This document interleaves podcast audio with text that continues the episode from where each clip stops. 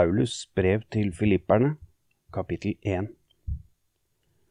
Paulus og Timoteus, Kristi Jesu tjenere, hilser alle de hellige i Kristus Jesus som bor i Filippi, og deres tilsyns, tilsynsmenn og diakoner.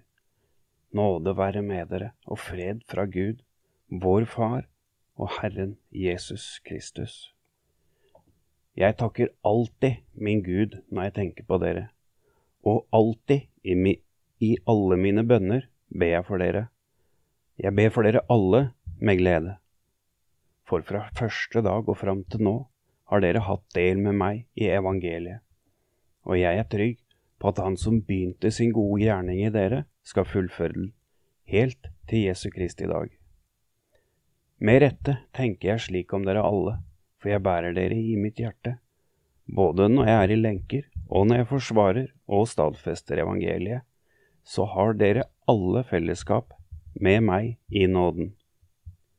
Ja, Gud er mitt vitne på at jeg lengter etter dere alle med Kristi Jesu hjertelag.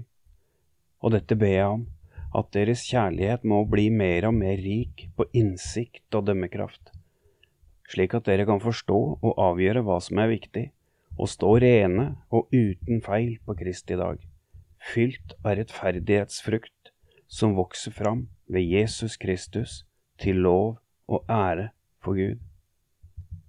Og jeg vil at dere skal vite, søsken, at det som har hendt meg, har tjent til framgang for evangeliet.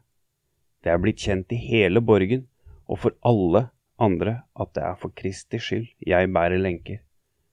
Og på grunn av disse lenkene har de fleste av våre søsken fått større tillit til Herren, så de er enda modigere enn før og våger å forkynne ordet. Noen gjør det nok av misunnelse og stridslyst, men andre forkynner Kristus av god vilje. De gjør det av kjærlighet, for de vet at jeg er satt til å forsvare evangeliet. De andre gjør det ikke oppriktig, men de gjør det for å hevde seg selv. De tror at de kan gjøre lenkene mine tyngre å bære. Men hva gjør vel det?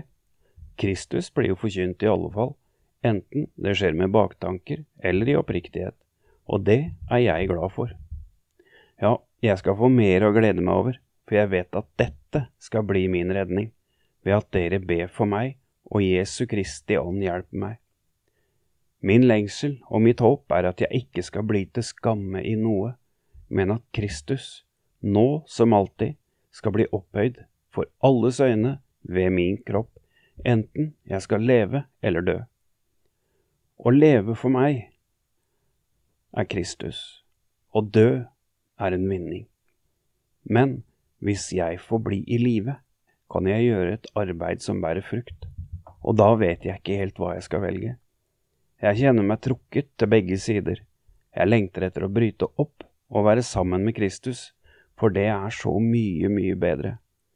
Men for deres skyld er det mer nødvendig at jeg fortsatt får leve, og fordi jeg er trygg på dette, vet jeg at jeg skal bli i live.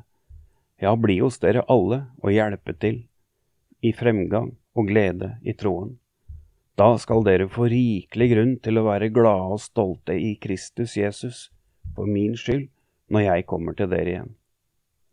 Se bare til at dere fører et liv som er Kristi evangelium verdig, enten jeg kommer og ser dere eller er borte.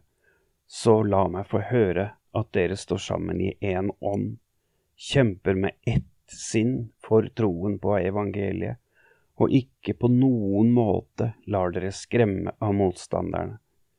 Dette er et tegn fra Gud, et tegn som varsler fortapelse for dem men frelse for dere. For Kristi skyld fikk dere den nåde, ikke bare å tro på ham, men også å lide for ham. Dere står i den samme kampen som dere før hadde, og sett meg kjempe, og nå hører dere at jeg fremdeles står i den.